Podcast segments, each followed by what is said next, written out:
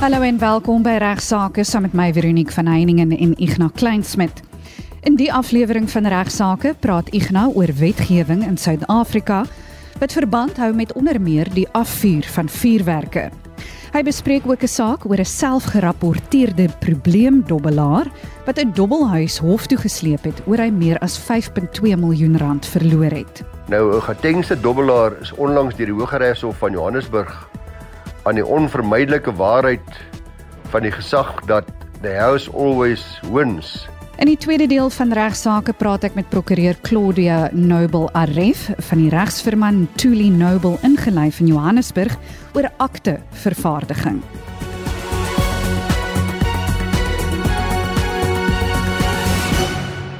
Ons begin die program die week met Igna wat praat oor wetgewing in Suid-Afrika wat verband hou met onder meer die afvuur van vuurwerke en wat jy in gedagte behoort te hou indien jy beplan om wel een of ander tyd vuurwerke af te vuur. Vanaf my kant luisteraars soos altyd 'n reuse en opregte plesier om 'n bietjie regskennis met u te deel. So hartlike goeiemôre hier vanaf Rustenburg, my huis waar uh, ek hierdie opname maak vanoggend.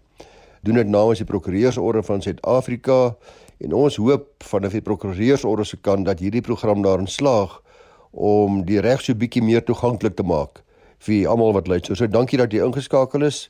So nou en dan probeer ek ook aantoon dat alles in ons howe nie altyd net drama en trauma en hartseer sake en uh, sake is wat vir ons nogal skokkend soms kan wees nie. Nee, daar's dikwels ook humor.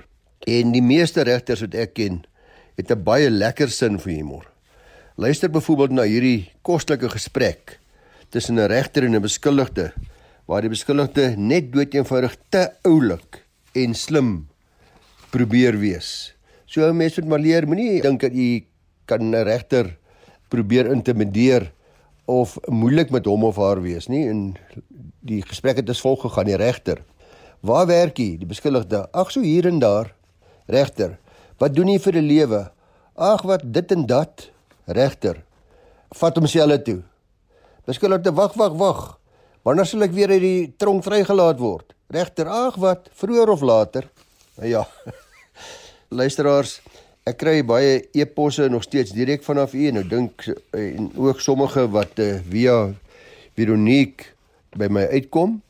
Ek wil maar net weer vra, so baie van daai e-posse is lang uitgerekte bladsye en bladsye lank briewe wat dikwels handel met bestaande hofsaake en sake wat al oor jare heen kom wat lank al verjaar het wat u dink daar kan een of ander wonderwerk nog gebeur is ongelukkig nie moontlik nie en ek mag nie en ek gaan nie betrokke raak waar u reeds in hofsaake betrokke was of is nie. Ek mag ook nie en ek gaan ook nie betrokke raak ongelukkig waar u reeds 'n prokureur het nie. U prokureur in die eie dorp is net so bekwam en dien nie meer bekwam om u te help as ek nie en veral omdat hy dan eh, behoorlik by u kan konsulteer om seker te maak of u 'n goeie saak het al dan nie.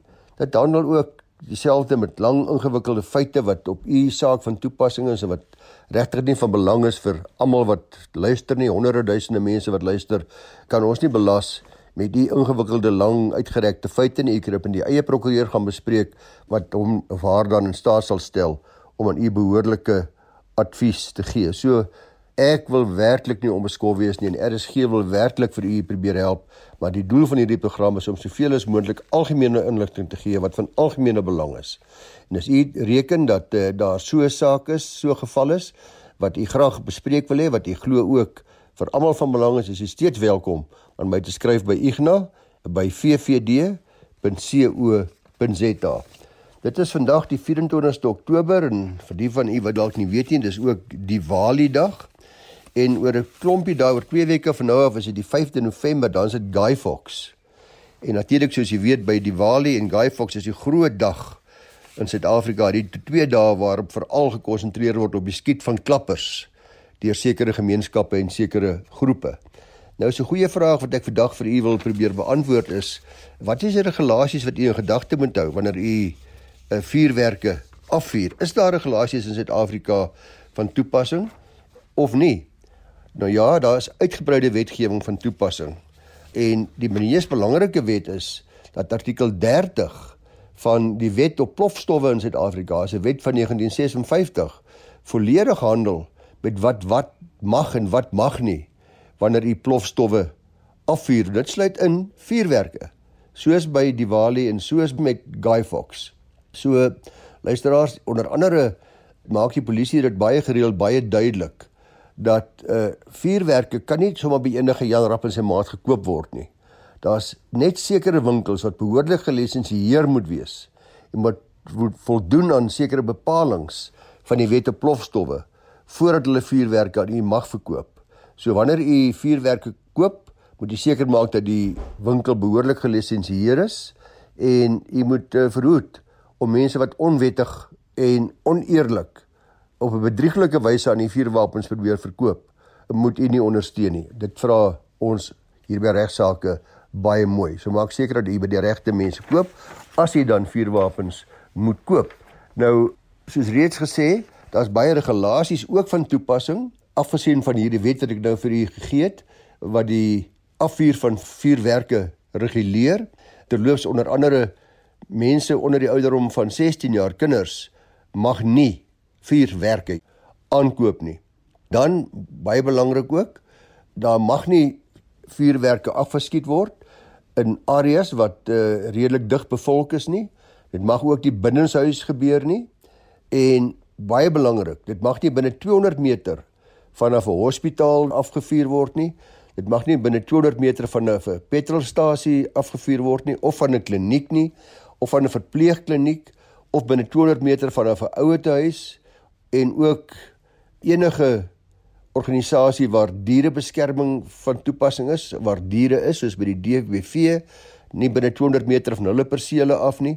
Dit mag ook nie, let wel, dit mag nie in strate, openbare publieke strate afgevuur word nie, ook nie in restaurante nie.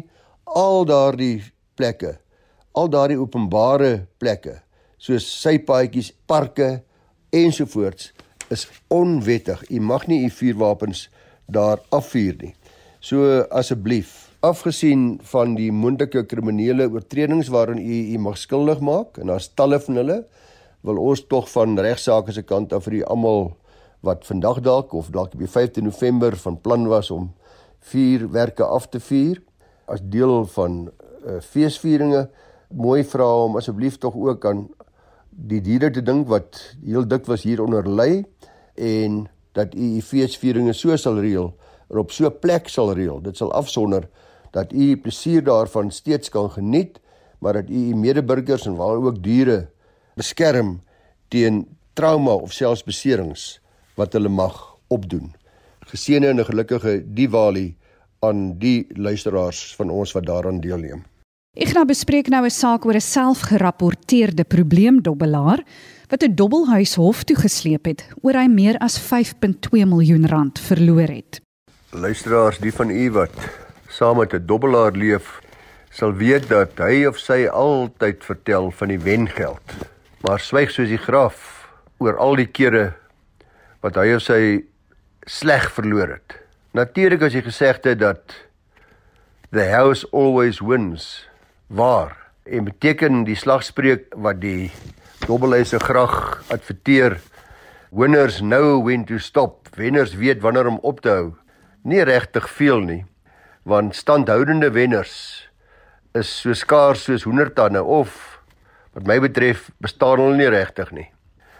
Nou 'n Gautengse dobbelaar is onlangs deur die Hooggeregshof van Johannesburg aan die onvermydelike waarheid van die gesag dat The house always wins. Herinner, kom ons noem hierdie dobbelaar maar Subrahim. 'n Selfgerapporteerde probleemdobbelaar se naam word wel in die hofsaak genoem.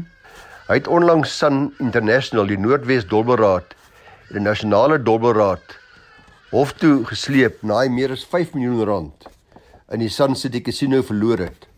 Ongeag die feit dat hy op eie versoek op die nasionale lys van uitsluiting geplaas word. Daar's 'n lys wat uh, deur uh, dobbelhuise gebruik word waar 'n mens kan jouself plaas of geplaas word omdat jy 'n probleem dobbelaar is. Let wel, hierdie saak het gehandel met 'n eksepsie wat Sun City of Sun International geopper het teen die argumente van die dobbelaar in sy pleitstukke. Die uiteinde weet ons nog nie werklik wat dit was nie, maar tog nog steeds belangrik om vir jou daarvan te vertel want hierdie selfgerapporteerde probleemdobbelaar het toe vir Sun International hof toe gevat. Soos ek sê, alhoewel hy self by die lys was en hy geweet het hy mag nie by enige kasino binne die grense van Suid-Afrika langer dobbel nie. Het hy het tog goed gedink om weer te gaan dobbel en het hy dit reg gekry om 5,2 miljoen rand. Ja, 5,2 miljoen rand op sy vrou se loyaliteitskaart by Sun City weg te dobbel, te verloor. Nou die meneer Subrahim, noem hom maar dit, hy het 'n ander naam, se saak teen Sun City was onder andere op die pleitstukke geoordeel gebaseer op regulasies gevolge waarvan 'n casino nie bewuslik 'n uitgeslote persoon mag toelaat of behoort toe te laat om aan dobbelaktiwiteite op hulle perseel deel te neem nie. Sun City het uh, swaar gemaak teen hierdie dobbelaar se eisoorsaak wat geopper is en uh, heftig ontken dat hulle van sy teenwoordigheid bewus was. Al in geval met die feit dat hy nie sy eie kaart nie maar dat hy sy vrou se loyaliteitskaart gebruik het wetende dat sy eie kaart nie op die perseel gebruik mag word nie. Dit was dus deel eh, van die hele argument en ook van die eksepsie wat geargumenteer was. Die hof was nie deur die dobbelaar se argumente eerstens beïndruk nie en het opgemerk dat daar nie sig verloor moet word van die feit dat hy sy eie graf hier gegrawe het nie. Hy het vrywilliglik gekies om homself op die lys van uitgeslote persone te plaas wat nie mag dobbel nie. Dit ongeag daarvan na Sun City se casino gegaan op sy eie weergawe 'n merkwaardige hoeveelheid geld, kan jy glo, meer as 5 miljoen rand verloor. Die hof het verder daarop gewys dat daar vorige regspraak is wat bevestig dat 'n casino nie sivielregtelik aanspreeklik gehou kan word vir skade wat deur 'n probleemdobbelaar in hierdie omstandighede gelei word nie. Ek het na hierdie sake gaan kyk en gaan nie daarmee vermoei nie of uh, dit nie vir die herhaal nie, maar dit is so, daar is ook ander hofsaake wat inderdaad sê dat daar nie siviele aanspreeklikheid is vir dobbelhuise in hierdie omstandighede nie. Hierdie dobbelaar het toe sy strategie probeer verander en toe aan die hof voorgelê dat die regsoortuiging van die gemeenskap, die Bonnie Moore is ons almal se regsoortuiging, sedert die vorige regspraak ontwikkel het intussen verander het. Dit was sy mening dat die probleemdobbelaar geregtig moet wees op sy winste ongeag enige oortreding van regulasies, maar nie aanspreeklik gehou behoort te word vir enige verliese nie. Die hof het heeltemal wat my betref korrek na ondersoek van beide nasionale en internasionale dobbelregspraak en al die beginsels daarop van toepassing bevind dat daar geen basis kan wees vir so 'n argument nie. Die hof het dus Sun City se eksepsie op hierdie eis gehandhaaf en uh, hy's toe die dobbelaar is toe 20 dae tyd gegee om sy eis te wysig by versuim waarvan die eis van die hand gewys sal word. Ek uh, hoop dat die uitspraak uiteindelik gerapporteer gaan word en as dit wel so is, sal ek die uh, bewus maak van die eindresultaat. Met Orniek en luisteraars ter afsluiting van my gedeelte van regsaake voordat ons na 'n regspesialis op 'n sekere gebied gaan luister, wil ek maar net dankie sê vir al die dankies wat u so gereeld uh, na my kant toe laat kom. Ek waardeer dit regtig. Dankie ook in besonder vanaf my kant aan al die jong, bekwame prokureurs by die firma waarby ek is, naamlik van Velden Duffy ingelyf Rustenburg wat uh, so graag help met navorsing en uh, voorbereiding vir hierdie program. Ek vat al die eer soos dit maar my geaardheid is, maar hulle doen al die harde werk. So baie baie dankie daarvoor. Dankie Esmarie Mckelle en Janus Olivier, Alicia Kusek, Elmarie Rigter, Willem van der Merwe, Susanne de Wet, Elnay Gerber en Dewald Gous. Julle bydraes is ongelooflik waardevol. Vanaf my kant groetnis aan die almal tot volgende maandag om 12:30. Ek bedank graag weer vir Ignas Kleinsmid vir sy bydrae tot die week se program. Prokureur en aktevervaardiger Claudia Noble Aref van Tuli Noble ingelyf in Johannesburg verduidelik nou vir ons wat aktevervaardiging is en wat dit behels. Welkom by Regsake Claudia. Claudia, wat is aktevervaardiging? Hallo Veronique en hallo aan al die luisteraars. Veronique, 'n aktevergadiger is 'n prokureur wat spesialiseer in die oordrag van onroerende eiendom. 'n Aktevergaderiger kan alles doen wat 'n prokureur kan doen, maar 'n prokureur moet eers die aktebesorging eksamen slaag voordat hy of sy 'n aktevergaderiger kan wees. Prokureurs spot altyd met ons deur te sê dat ons slegs papierdrukkers is. Hulle is reg, daar is baie papierwerk en ons bestry nie sake in die hof nie. Ons werk vind meesal in die aktekantoor plaas. Nou wanneer sal 'n persoon 'n aktevervaardiger nodig kry en wat doen jy Claudia as 'n aktevervaardiger in 'n aktekantoor? Wanneer die verandering van eienaarskap van onroerende eiendom geregistreer moet word van een persoon na 'n ander, meesal in 'n geval van verkope van eiendom, of as een ouer afsterf en die eiendom moet na die lewende gade oorgedra word, is wanneer mens die dienste van 'n aktevergaderiger nodig het. Dit wil sê elke keer wanneer 'n eiendom verkoop word, is eienaarskap oorgedra en 'n nuwe titelakte word opgestel en is in die aktekantoor geregistreer. Dit is waar die aktevergaderiger betrokke is. Aktebesorging is die wettelike terme vir die proses waardeur 'n persoon die geregistreerde en wettige eienaar van eiendom word. In Suid-Afrika het ons 'n grondregisterstelsel waar 'n registerlys gehou word van die gekoop van erwe. Die terme deeds registry beteken dat registers gehou word waarin al registrasies van aktes in die aktekantoor aangeteken word. Mag ek sê, Veronique, dat Suid-Afrika se akteregisterstelsel beskou word as een van die beste ter wêreld. Die proses in die aktekantoor is nogal formeel. Net 'n aktervergaderiger kan voor die registrateur verskyn en dan moet beide die titelakte teken. Daarna word die transaksie aangeteken. Die doel van die aktekantoor is dus om die publiek kennis te gee van die wetlike eienaarskap van erwe en om die nuwe eienaar wettelik te beskerm. Veronique, ons luisteraars het seker almal ou cowboy flieks gesien waar die skurk die titelakte steel en die eienaar doodmaak en net sommer sy grond vat. Maar dit kan nie meer gebeur nie, want al verlore persoon sy titelakte sal daar 'n rekord in die aktekantoor wees wat bewys aan wie die grond behoort. Registrasie by die aktekantoor hou rekord en beskerm die eienaar se reg. En wie stel die aktevervaardiger aan? Sodra 'n aanbod tot koop of verkoop ooreenkoms deur die koper en verkoper onderteken is, stel die verkoper 'n agtervergaderiger aan om na die oordrag van die transaksie om te sien. Maar gewoonlik sal die eiendomsagent sommer net die naam van 'n regsfirma waarmee hulle verhouding het op die kontrak plaas. Al het die verkoper sy eie prokureur, sal hulle redes gee waarom hulle prokureurs aangestel moet word. Baie verkopers weet nie eers dat dit hulle reg is om 'n aktevergaderiger aan te stel nie. En kopers is gewoonlik geskok wanneer hulle die aktevergaderiger wat hulle nie aangestel het nie moet betaal. Ek het onlangs 'n geval gehad waar 'n koper onbewus was van die koste wat hy aan 'n aktevergaderiger wat hy nie aangestel het, moes betaal.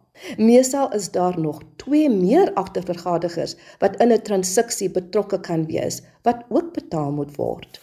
En net laastens Claudia, hoe lank neem dit om 'n transaksie te registreer? Elke regsfirma wil hê die transaksie moet so gou moontlik geregistreer word, want al betaal die koper die fooie in die begin, die geld word in die trustrekening van die regsfirma gedeponeer en kan eers op die dag van registrasie by die regsfirma geneem word. So 'n regsfirma gaan nie op 'n leer sit nie, soos mense partykeer dink.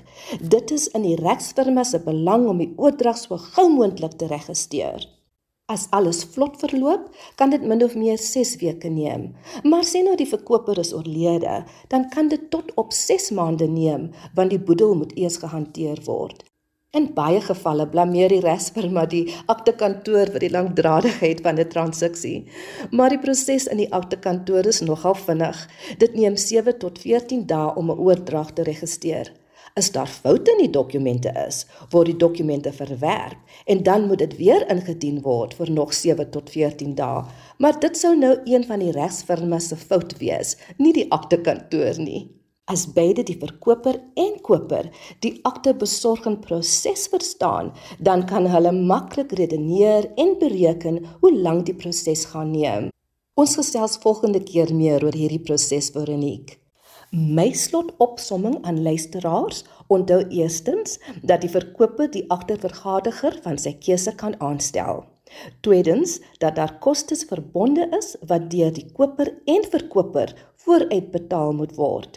En laastens sê ek vir ons luisteraars, bemagtig jouself met al die inligting voordat jy enige kontrak teken.